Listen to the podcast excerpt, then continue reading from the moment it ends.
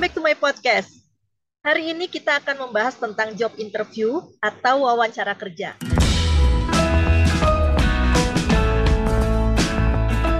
Nah, sekarang mari kita bahas satu persatu. Pertanyaan-pertanyaan apa saja yang sering ditanyakan ketika wawancara kerja, baik oleh HRD maupun user.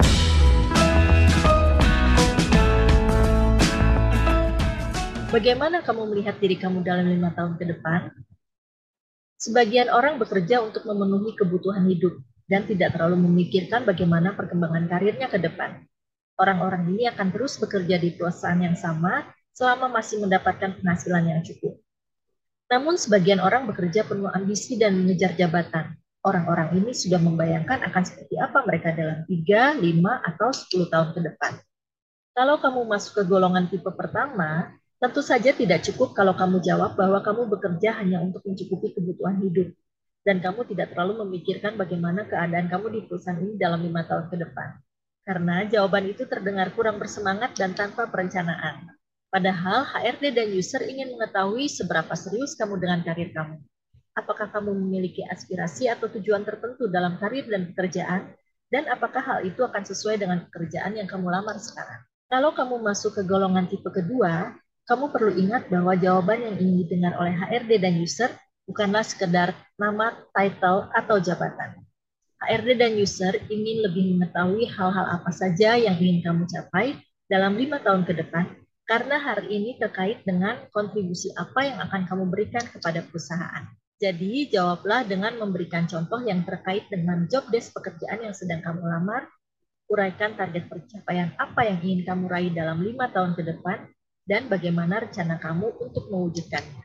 Berikut ini beberapa contoh jawaban yang bisa digunakan.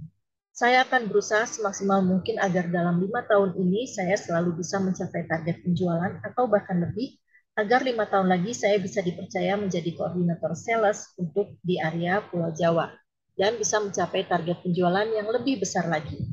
Atau, sebagai seorang admin di Departemen Training, sebagian besar waktu saya bekerja ada di kantor saya akan mencoba menggunakan waktu sebaik mungkin agar saya bisa punya kesempatan untuk ikut dalam kegiatan training yang dilaksanakan di perusahaan-perusahaan agar saya bisa mendapatkan pengalaman dan meningkatkan keterampilan saya di bidang training.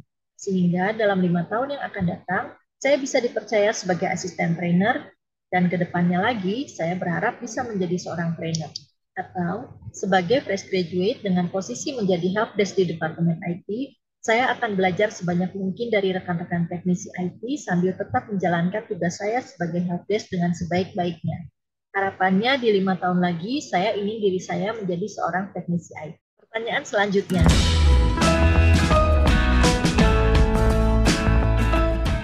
Kenapa kami harus menerima kamu bekerja di sini? Kaget gak sih ditanya seperti itu? Setelah interview hampir satu jam, ditanyain ini itu, kita udah jelasin macam-macam juga, terus tiba-tiba ditanya, kenapa perusahaan harus menerima kita bekerja? Kesannya kok kayak meragukan banget. Bukannya udah baca CV kita. Dan kalau memang gak yakin, kenapa kita dipanggil wawancara? Eits, tenang dulu. Pertanyaan ini memang dibuat untuk menguji seberapa persuasif kamu. Wawancara ingin melihat apakah kamu bisa tetap tenang dan percaya diri, bahkan ketika mereka seolah terlihat skeptis atau ragu-ragu. Untuk meyakinkan HRD dan user, kamu harus memberikan jawaban yang faktual atau berdasarkan fakta. Jawablah dengan menyebutkan kebutuhan perusahaan yang dicantumkan dalam lowongan pekerjaan dan sampaikan bahwa semua kebutuhan itu bisa kamu penuhi melalui berbagai pengalaman, keahlian, dan keterampilan yang kamu miliki, juga sertakan contoh-contohnya. Berikut ini beberapa contoh jawaban yang bisa digunakan. Saya memiliki pengalaman kerja sesuai dengan kriteria yang dibutuhkan oleh perusahaan. Saya juga memiliki hubungan baik dengan banyak klien yang pernah mengikuti training di tempat saya bekerja sebelumnya yang berpotensi menjadi klien baru di perusahaan ini. Selain itu, saya juga memiliki pengalaman membuat program training online untuk korporat yang saya buat sendiri dari awal, dan inilah yang dicari oleh perusahaan ini. Atau, sebagai seorang data scientist, saya telah menunjukkan kemampuan saya dalam menjawab pertanyaan dari manajemen mengenai bisnis yang sedang berjalan. Saya juga memiliki pengalaman membuat rekomendasi strategi marketing berdasarkan analisa data yang mendalam. Selain itu, saya juga memiliki keterampilan menguasai SQL.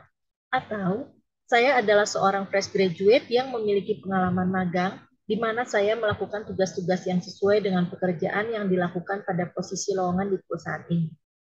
Ingat ya, jawablah dengan tenang, percaya diri, dan meyakinkan. Gak perlu terlihat kesal, ragu-ragu, apalagi minder. Pertanyaan selanjutnya, berapa ekspektasi gaji kamu?